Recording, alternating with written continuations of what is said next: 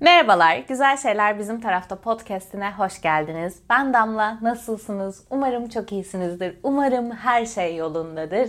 Ülkedeki kış havası ve bitmek bilmeyen Ocak ayının son günlerinde artık Ocak'tan kurtulmanın heyecanını yaşarken yeni bir bölüm kaydediyorum ve hepinize çok teşekkür ediyorum. Çünkü ben geçen bölümde lütfen bu podcast'i seviyorsanız, birilerinin faydalanabileceğini düşünüyorsanız, lütfen beğeniyorsanız paylaşın dedim ve paylaşımlarınızdan sonra hem ben kendimi çok iyi hissettim hem de hiç ulaşmadığım insanlara ulaşıp onlardan çok güzel yorum, tepkiler aldım. Hepinize teşekkür ediyorum ve tekrar hatırlatayım. Eğer bu podcast'i seviyorsanız bunu daha çok insanın izlemesini istiyorsanız takip et butonuna basabilir ve sevdiklerinizle paylaşabilirsiniz. Bugün Biraz heyecanlıyım, biraz gerginim. Biraz hata yapmaktan da korkuyorum aslında. Sebebi de şu, hayatım boyunca en çok uğraştığım, üzerine en çok düşündüğüm konudan bahsedeceğiz. Beslenmekten bahsedeceğim. Ben yıllarca nasıl kilo verdiğimi anlattım. YouTube'da anlattım, Instagram'da anlattım, arkadaş sofralarında anlattım, mesajlarda anlattım. Bana en çok sorulan soru nasıl kilo verdin? Genelde sorulmayan bir soruydu aslında nasıl kilo aldın? Ben uzun süreçler içerisinde aslında çözmem gereken şeyin nasıl kilo aldım olduğunu fark ettim ve yemekle, beslenmeyle olan ilişkimin bozulduğunu fark ettim. O yüzden kilo aldım ya da o yüzden ne kadar kilo verirsem vereyim yiyeceklerle ve besinlerle bağımın çok sağlıklı olmadığını gördüm ve onu görüp onun üzerine çalıştıktan sonra ben kendimi çok iyi hissetmeye başladım. O yüzden ben kendimi çok güçlü hissetmeye başladım. Hemen başında söyleyeyim. Herhangi bir yemek bozukluğu yaşıyorsanız ya da bu tarz içerikler sizi tetikliyorsa bu bölüm sizin için tetikleyici bir içerik olabilir. Ama şunun sözünü verebilirim Burada asla kimsenin bedeni, kilosu, yiyecekler hakkında ahlaki değerler konuşulmayacak. Sağlıklı yaşam pompalanmayacak. Size nasıl kilo verebileceğiniz ya da bu kiloyu nasıl koruyacağınızla ilgili tavsiyeler vermeyeceğim. Çünkü bunları ben anlatmaktan, bunları ben okumaktan, ben görmekten sıkıldım. Bunları çok iyi biliyor olduğum halde. Temel ihtiyaçlarımızdan birinden bahsedeceğiz. Yani beslenmekten bahsedeceğiz. Ben bir gün çok şişmanım keşke ölsem demiştim.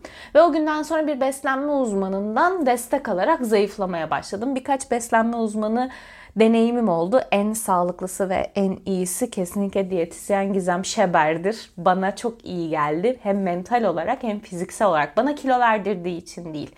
Benim yanımda bir yoldaş olarak benimle yürüdüğü için bana çok iyi geldi.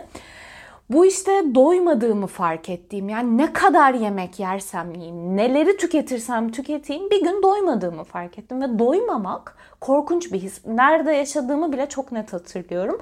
Ve oradan sonra şununla ilgilenmeye başladım. Allah Allah bir tuhaflık var ya ben doymuyorum ki o zaman 95-96 kilo filandım. Sonrasında aslında doymamakla ilgili düşünmeyi bıraktım hemen bence o zaman için sağlıklı olan bir şey yapıp bir diyetisyenle çalışıp kilo verdim. Çünkü şu yüzden sağlıklı olan bir şey söylüyorum. O zaman mental ya da fiziksel olarak beslenme ile ilişkimi düzeltmem gerektiğini algılayabilecek bir farkındalıkla ta değildim. O yüzden bedenimle ilişki kurmak için bana iyi geldi kilo vermek. Ama kesinlikle kilo vermek zorunda değilmişim aslında. Ama ben bedenimi öyle sevemiyordum. Ben bedenimi öyle beğenmiyordum. Şimdi aslında bu sürecin değişmesi şöyle başladı. Çok yakın bir zaman aslında 8-9 ay kadar önce belki de şunu fark ettim. Ben gün içinde en çok ne düşünüyorum? Bedenimle ilgili düşünüyorum ya bunlar genelde olumsuz şeyler. Ya da sürekli kafayı bir yere giderken orada ne yiyebilirim? Orada benim yiyebileceğim bir şey var mı? Ben bir fiziksel rahatsızlığı olan biri değilim. Yani çölyak hastası değilim. İBS problemi çekmiyorum. Çok ciddi besin alerjileri olan biri değilim. Ama sürekli benim yiyebileceğim yiyecekler diye bir dünya olduğunu fark ettim ve beni taşıyan, bana hayatta bu kadar şey yaptıran bedenimle ilişkim sadece onunla ilgili kaygılanmak ve sadece onun hatalarını görmek. Ve gün içinde niye ben ortalama 2-3 saat ne düşünüyorum? Beden düşünüyorum. Ne kadar farklı, ne kadar sağlıksız olduğuyla yüzleştim. Beden olumlama mutlaka karşınıza çıkmıştır. Ben artık beden olumlamanın yanlış algılandığının da farkındayım. Bedenini sev. Ya ben bedenimi sevmek zorunda değilim. Mesela benim genetik olarak üst bacaklarım çok kalın. Ne yaparsam yapayım incelmiyor olabilir. Ve ben orayı sevmek zorunda da değilim. Çünkü ben sadece bacağım değilim, sadece karnım değilim, ben sadece bedenim değilim. Bence o yüzden beden nötralize denilen beden nötrlüğüne geçmemiz gerekiyor. Çünkü beden olumlamada bedenini sevmekle ilgili insanlara bir faşizm uygulandığını düşünüyorum artık. Halbuki çıkış noktası olarak çok doğruydu. Yani her beden sevilebilir. Evet, başka biri kalın bacaklı olmayı seviyor olabilir ama benim de sevmeme ve bunu değiştirmeyi talep etme hakkım var. Ben zayıflamanın da ince olmak istemenin de kötü bir şey olduğunu düşünmüyorum. Kesinlikle bir toksik diyet kültürü olduğunun farkındayım. Herkesi aynı bedene, aynı görünüşe, hatta bu sadece bedenle ilgili de değil, aynı hobilere yönlendiren bir kültür var, bir popüler kültür. Bunun en önemli kısmı da yani yıllardır böyledir. Eskiden İsveç diyetleri, İsviçre diyetleri miydi neydi? Gazetelerde basılırdı. Şimdi de Instagram'larda bu yapılıyor ve bu toksik diyet kültürünün karşısına hemen bir diyetisyen ve diyet nefreti koyuluyor. Kilo kontrolü yapılmamalı. Bence kim neyi yapmak istiyorsa onu yapabilir. Başkalarıyla kendini kıyaslamak için, kendini değersiz hissettiği için illa ağırlık kontrolü yapmaz insanlar kendileri canları istediği için yapabilir. Mesela ben şu anda var olduğum kilodan mutluyum ve bunu e, seviyorum ve bu aralıkta korumayı seviyorum ama bu benim tercihim. Daha zayıflamak istersem daha zayıflayabilirim. Kilo almayı tercih edersem kilo alabilirim. Bununla ilgili de kesinlikle kimseden icazet almayacağım. Yani ne bana kilo ver diyenleri, ne kilo al diyenleri, ne de bedeninle ilgilenmemelisin diyenleri ciddiye alamayacağım. Bu benim kararım.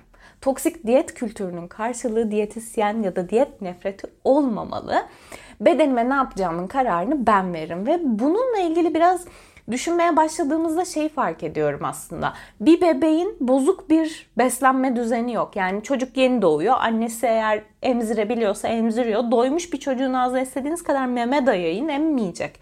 Ya da acıktıysa ağlayacak ve siz onu doyurana kadar ağlayacak. Yani o kadar e, gerçek bir ihtiyacı yaşayan bir birey nasıl oluyor da büyüdüğünde bedeniyle, beslenmesiyle ilişkisi bu kadar kopabiliyor.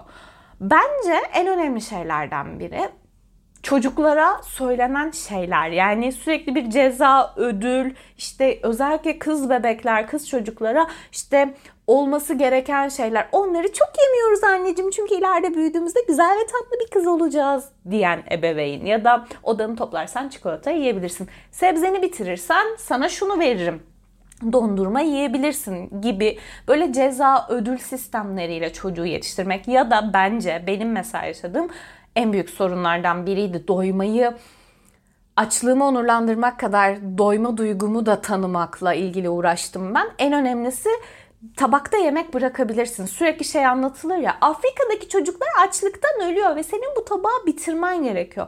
Ya o tabak benim için fazla doluysa ya da azsa mesela ben niye o tabakla doymak zorundayım? Doyduysa bırak sonra zaten yine ihtiyaç duyduğunda acıktım diyecektir çocuk. Çünkü çocuğun yiyecekle ilgili yememesi gerektiğini, ne kadar yemesi gerektiğini düşündüğü tek şey hissi. O kadar bedenini dinleyen bir varlık ki çocuk. O yüzden çocuğu dinlemek çok önemli. Mesela burada kendimden örnek verebilirim.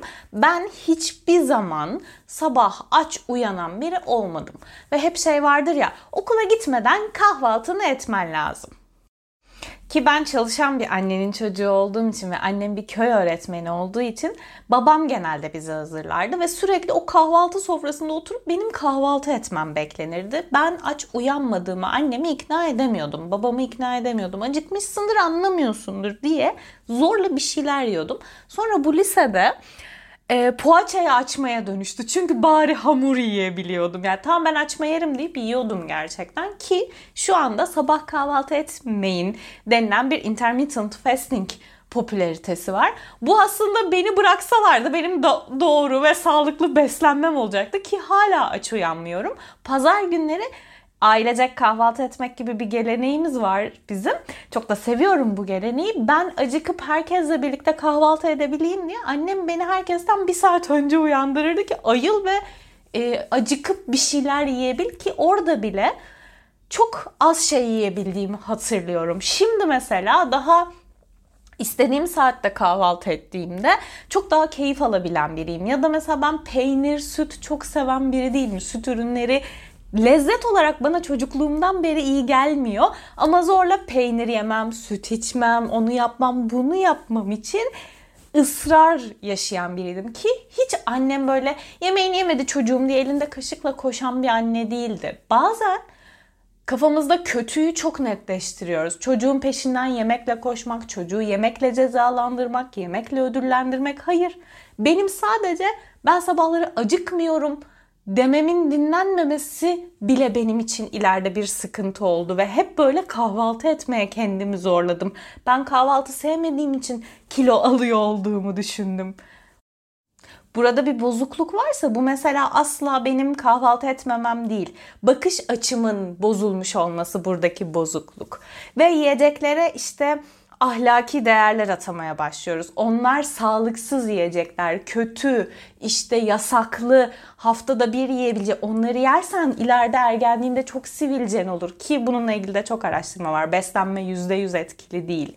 Ya da işte onları yiyen çocukların aklı çalışmıyormuş. Matematik dersinden geçemezsin diyen anne babalar olduğunu duyuyorum ve biliyorum. O yüzden şimdi bile işte bir tatlı paylaşıp günaha girdik ya da yaptık bir kaçamak denilen şeyin aslında çocukluktan beri zihnimize yavaş yavaş belki de çocuk olduğumuz için yavaş gibi görünen ama çok daha sert bir yerden sokulmuş kavramlar olduğunu düşünüyorum. Bir de tabii ki bütün kapitalizmin, bütün dünyanın kurguladığı bir şey var. Daha fit, daha zayıf olmanın daha güçlü, daha iyi ve daha iradeli insan olmak üzerinden tanımlanması var. Geçen gün e, Gizem bir paylaşımda bulundu. Hatta Gizem'i mutlaka Instagram'da takip edin. Böyle dans edip ni ni ni ni yapan Instagram diyetisyenlerinden değildir. Kendisi gerçek bir profesyonel. Bu işin psikolojiyle olan bağını da çok doğru ve güzel anlatıyor. Bağlanma tipimizin, psikolojideki bağlanma tipimizin kurabiye sevmemizle alakalı olduğunu anlatan bir araştırmadan bahsediyordu.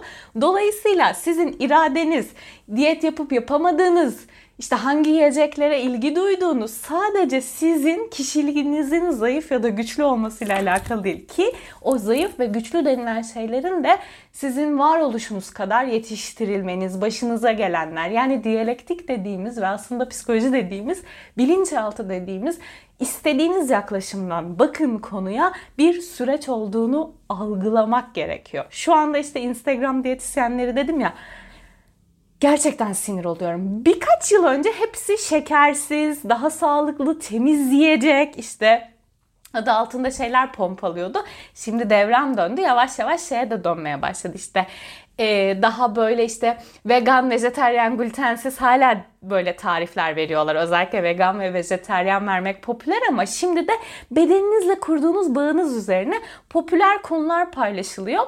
Bunu popüler olduğu için değil, insanlara böyle yaklaştığı için paylaşan diyetisyenleri tavsiye ediyorum. Çünkü şeyden çok sıkıldım. Bir ekmeğin 4 kaşık yulaf ettiğini bir küçük Google araştırmasıyla bulabilirsiniz. Herhangi bir profesyonelle çalışacaksanız, destek alacaksanız herhangi bir şey için ister zayıflamak, ister kilo almak, ister besinlerle ilişkinizi düzeltmek için lütfen o kişinin size etik yaklaştığına emin olun derdinin sizinle bir süreç geçirmek olduğuna, sizinle bir öğrenme, beslenme öğrenme süreci geçirdiğine emin olun. Henüz daha mezun olmamış Gülşah Kumanova Umarım doğru okuyorumdur soy ismini. O da Hacettepe'den mezun bir diyetisyen adayı. O da ağırlık kontrolü çalışmayacağını ısrarla söylüyor. Onu da Instagram'da ta- e, takip etmenizi tavsiye ederim. Çünkü mesela daha uzun aç kalınca, böyle az yiyince övünmem gerekmediğini ben Gülşah'ın bir paylaşımından öğrendim çok aklımda kalan bir örnek var. Üşüyünce ben soğukta kaldığım, tişörtle kaldığım ve ne kadar iradeli bir insanım diye övünmüyoruz ama şey diyoruz. 16 saat aç kalabiliyorum. Ben canım hamburger istiyordu ama gittim ızgara tavuk ve salata yedim. Niye besinlerle ilgili bir övünmemiz var? Niye bunu bir irade güç savaşına dönüştürdük. Hali hazırda böyle olduğunuzu fark ediyor da olabilirsiniz ben anlattıkça. Ya da ben vegan ve vejeteryanlığı etik ve politik sebeplerle yapan insanlar olduğunu bildiğim kadar popüler olduğu için olduğunu da biliyorum. Zayıflamak için yapanlar olduğunu da biliyorum. Çok sevdiğiniz yoğurttan bir gruba ait olmak için mi vazgeçiyorsunuz? Ya da daha zayıf olmaya çalıştığınız için hayvansal gıdalardan vazgeçmeniz gerektiğini mi düşünüyorsunuz? Bir yiyeceği size yemenizi ya da yememenizi söyleyecek tek şey bedeniniz. Bedeninizle bağınızı güçlendirdiğinizde mesela ben laktozlu sütün beni şişirdiğini biliyorum. Kahve içtiğimde çok kolay sindirdiğimi biliyorum çok yağlı bir cips ya da şerbetli bir tatlı yediğimde soda, hmm, kola gibi bir şey içmem gerektiğini ancak ağzımı o zaman temiz hissedebildiğimi ve midemin bulanmadığını biliyorum ve kendime şunu diyorum. Ya sen şerbetli tatlıyı çok da tatlıcı bir tip değilimdir zaten ama yiyorsun. Ama bu da kola içmek zorundasın. Çünkü senin bedenin bunu istiyor. Bunun sağlıklı, sağlıksız, başkasının yaptığı, yapmadığı bir şey olmasının hiçbir önemi yok. Ya da ben sadece zero kola seviyorum mesela. Çünkü ya da light içebiliyorum. Şekerli kola benim midemi bulandırıyor ama bunu ama hani diyet yapmıyordun? Abicim diyet yapmak için yapmıyorum ki ben bunu. Ben bunun bu tipini seviyorum. Ya da yulaf. Ben insanları yulaf sevdiğime ikna etmek için çaba harcıyorum. O kadar saçma bir şey ki bir şeyi sevmeniz için tek sebep siz olabilirsiniz. Siz de etrafınızdaki birilerini böyle yargılıyorsanız lütfen bununla ilgili farkındalığınız olsun. Ya da sadece kilolu, şişman, e, ya da tombul insanların besin algılarının, beden algılarının bozukluğu olduğunu, onların bir problem yaşadığını düşünüyorsanız çok yanılıyorsunuz. Anoreksiya, bulimia gibi çok yaygın e, beslenme bozuklukları var, psikolojik rahatsızlıklar var. Çünkü e, bu sizin algınızı bozan bir düzen. Yani ben mesela 90 küsür kiloyken kendimi 70 küsür kilo olduğumdan daha çok beğeniyordum. Çünkü 70'te iş hırsa dönüşmüştü. Kendimi oradan tanımlamaya başlamıştım. Artık bedenimle bağım kopmuş sadece rakamlara takılan bir tipe dönüşmüştüm. Ve belki de önüne geçmeseydim bulimi olabilirdim ya da anoreksi olabilirdim. Bilmiyorum yani ne olabileceğimi bilmiyorum ama benim bozukluğumun olduğunu fark etmem belki de bozukluğumun e, telafisi ve tedavisi sürecine denk geldi. O yüzden de sezgisel beslenmek bana bedenle kurduğum ki bir oyuncu olarak çok güçlü bir bağ kurmaya çalışıyorum. E, bağı kuvvetlendirmem gerektiğini tekrar tekrar hatırlattı. Ki ben mesela şöyle bir an yaşadım hiç unutmuyorum. Erkek arkadaşımla yemek yiyorduk. Çok da sevdiği bir şey yiyoruz onun. Bir yerde doydu ve bıraktı ve paketledi kaldırdı. Dedik sonra tekrar devam edelim. Aynı yemeği ben de çok seviyorum ve ben böyle ağzıma tıkıştırıp tepiştirip yiyordum. Ve yedikten sonra yaşayacağım suçluluğu tahmin edip yarın ne yiyerek bunu telafi edebileceğimi düşünürken o gayet rahat bir şekilde çok sevdiği bir yiyecekle ilgili doydum dedi ve hayatına devam etti. O anda şeyi fark ettim.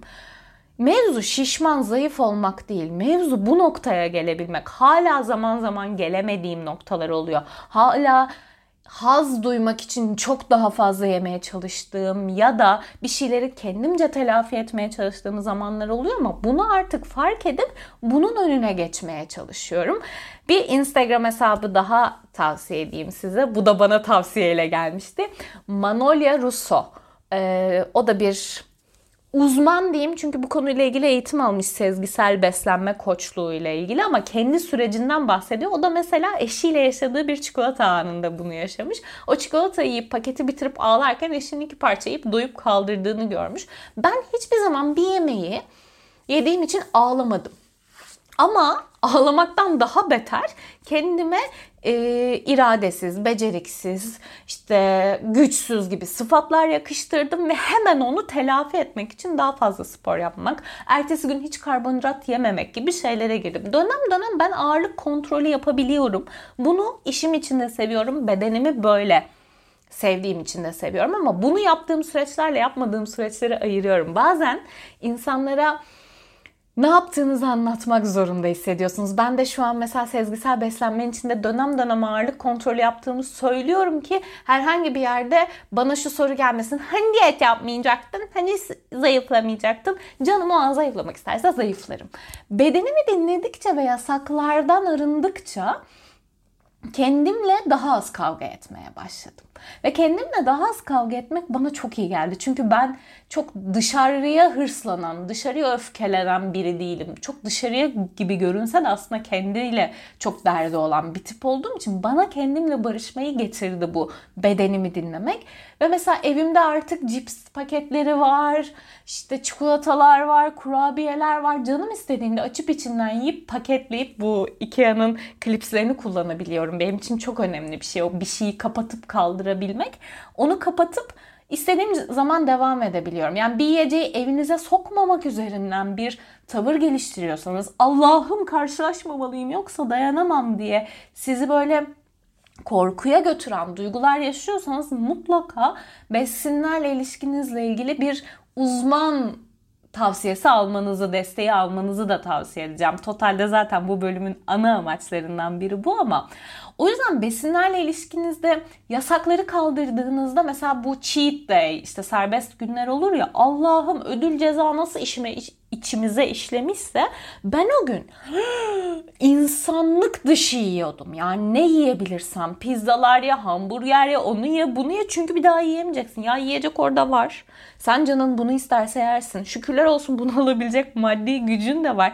Niye kendine bu eziyeti yapıyorsun? Sonra şunu fark etmeye başladım. Aslında bazı fast foodları o kadar sevmiyorum. Ben tatlıyı bazen o kadar hiç Bazen o kadar hiç cümleye bak. Ben tatlıyı o kadar sevmiyorum. Önüme geldi diye yemek zorunda değilim. Yasak olduğu için bu benim için çekici değil. Çünkü yasak değil. Aynı porsiyonu her gün yiyerek doymamı beklemiyorum.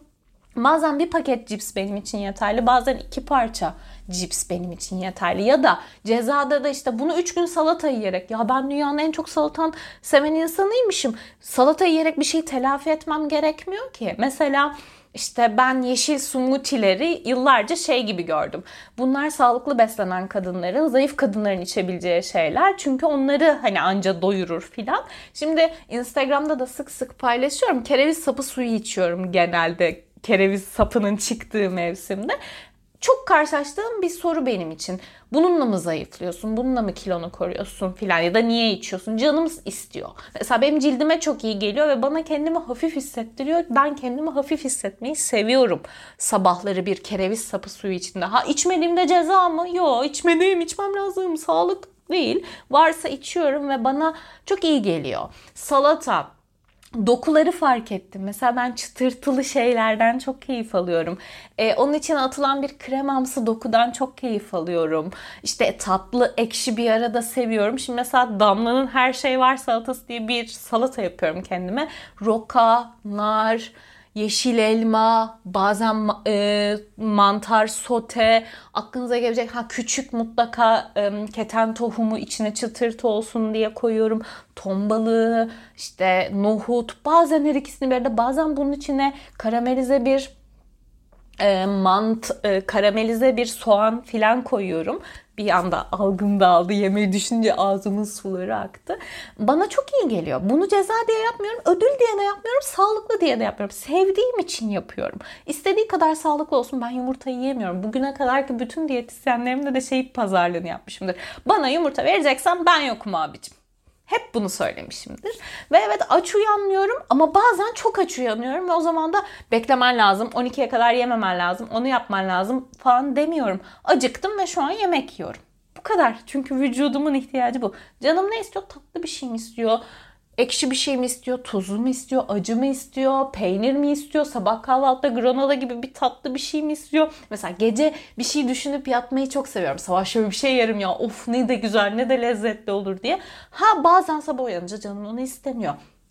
Gece yememek mi? Ben gece yiyip uyuduğumda kaliteli bir uyku uyuyamadığı için yemek mevzusunu olabildiğince erken bırakmaya çalışan biriyim. Ama gecenin köründe acıkırsam da yerim. Yani niye yemeyeyim? Yani bir yerden dönüyorumdur. Ortada güzel bir çorba muhabbeti vardır. İçerim ben yani çorbamı.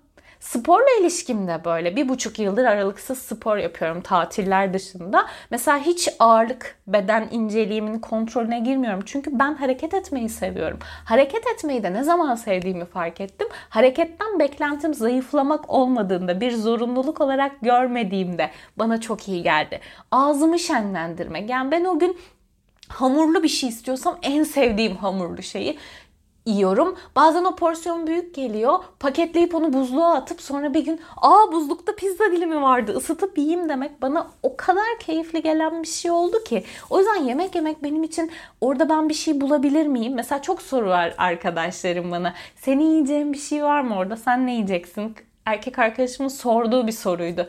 Ee, geçen gün hatta bir yere gidelim dedim. Sen orada yemek seçenekleri yağlı diye çok mutlu olmuyorsun. Ya bulurum ben orada yiyecek bir şey ya boş ver dedim mesela. O kadar hoşuna gitti ki halbuki iç, içsel olarak belki de ona bile bir şeyler yaşatan bir şeye dönüşmüş bu benim için. Mesela ben şarap seviyorum, meze seviyorum. Böyle sofralarda yemek ihtiyacı duymuyorum. Bir ana yemek peşine düşmüyorum ama o önüme geldiğinde de keyifle yiyorum ve orada anı yaşama duygusuna götürüyor beni.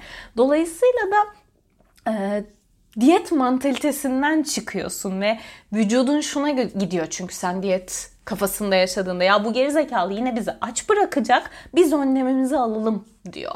Ki suçluluk duygusu bence çok korkunç bir duygu. Ben yemekle ilgili çok uzun süre suçluluk, ödül, ceza hak etmek duygularının içerisinde yaşadım. Ve o duygulardan çıktıkça, bunu değiştirdikçe, bunu dönüştürdükçe kendimi sevebilmeyi öğrendim. O yüzden partnerinizden daha çok yediniz diye, bugün canınız çok tatlı istedi diye, hiç hareket etmek istemedi diye, bugün alkol almak istediniz diye, bugün ne bileyim canınız şunu yapmak istedi diye suçluluk duymamalısınız. Hiçbir konuda hissiniz bu olmamalı. Yani bütün bunlara rağmen tabii ki ben de sabah uyanıp her gün kendimi sevmiyorum. Kötü beden imajı olan günler oluyor ve bu bedenin... Ee, başkalarının nasıl gördüğüyle ya da realitesiyle alakalı olmak zorunda değil. Yani sizin beden kitle indeksiniz sağlığınızı belirlemez ama bir uzman oraya bakıp bunu görecekse dahi siz orada kendinizi şişman görüyorsanız, siz kendinizi sağlıksız görüyorsanız, sizin bedeninize bakış açınız değiştiyse ve bozulduysa sizi kimse hiçbir şeye ikna edemeyecektir. Dolayısıyla e, bedenin başkalarına nasıl göründüğü konusunda kişinin düşüncesi ya da kendi bedenine yönelik yönelik duyguları ve bunlara karşı olan tavırları aslında beden imajı. Ee, zannedilenin aksine dediğim gibi yani bu zihinle alakalı. Sadece bedenle alakalı değil. Bedenle alakalı olsaydı inanın çok kolay olurdu. O yüzden zor. O yüzden çocuktaki çocukluktaki kodlamalar önemli. O yüzden insanlar bu yüzden bir sürü depresyona giriyor, problem yaşıyor. Dediğim gibi yani e, bu konuyla ilgili kafanız karışıyorsa, bu konuyla ilgili zihninizde problemler dönüyorsa, yiyecekleri yedikten sonra bedeniniz dışında zihniniz karışıyorsa ve bedeninize ne olduğuyla ilgilenemiyorsanız mesela ben kurabiye çok severim ve kurabiye yedikten sonra bedenim çok mutlu oluyor ve bunu fark etmek için çok uzun yıllar bekledim.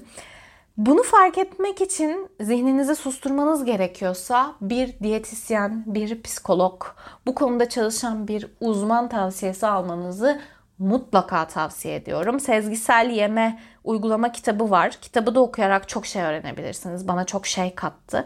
Bu konuyla ilgili dediğim gibi beden olumlama ile ilgili ayrı bir bölüm, diyet kültürüyle ilgili ayrı bir bölüm, diyetisyenle ilgili ayrı bir bölüm. Her biriyle ilgili ayrı ayrı günlerce saatlerce konuşurum. Ama ben bu konuyla ilgili konuşmaktan ve böyle anılmaktan da yorulduğum bir süreç geçiriyorum galiba. O yüzden de kendimce bunu da yapıp konuyu kapatıp artık yiyeceklerden keyif aldığım ve haz aldığım bir sürece geçiyorum. Dediğim gibi Gülşah'ın, Gizem'in ve Manolya'nın Instagram hesaplarını aşağıya bırakacağım. Aşağıya diyorum ama işte o bilgi kutucuğuna bırakacağım. Kendilerini Instagram'dan takip edin.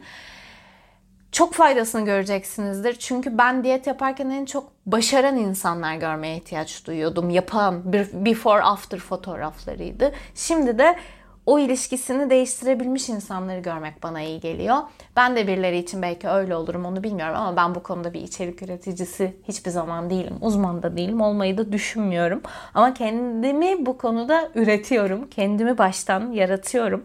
O yüzden de bununla ilgili konuşan insanları görmek size iyi gelecektir. Beden olumlama ile ilgili de dediğim gibi Bedeninizi umarım seviyorsunuzdur. Umarım sağlıklıdır gerçekten. Sizin için hayatı kolaylaştırıyordur. Ama sevmiyorsanız da sevmiyor olabilirsiniz. Hatta değiştirmek için estetik de yaptırabilirsiniz. Elinizden gelen her şeyi yapabilirsiniz. Bir konuda siz ne hissediyorsanız doğrusu odur. Ama o hissiniz size iyi gelmiyorsa onu değiştirebilirsiniz.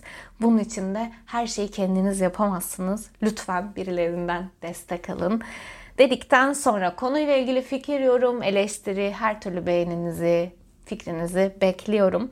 Instagram'dan beni Damlaydı ismiyle takip ederseniz de çok mutlu olurum. Bir sonraki bölümde görüşünceye kadar hoşçakalın.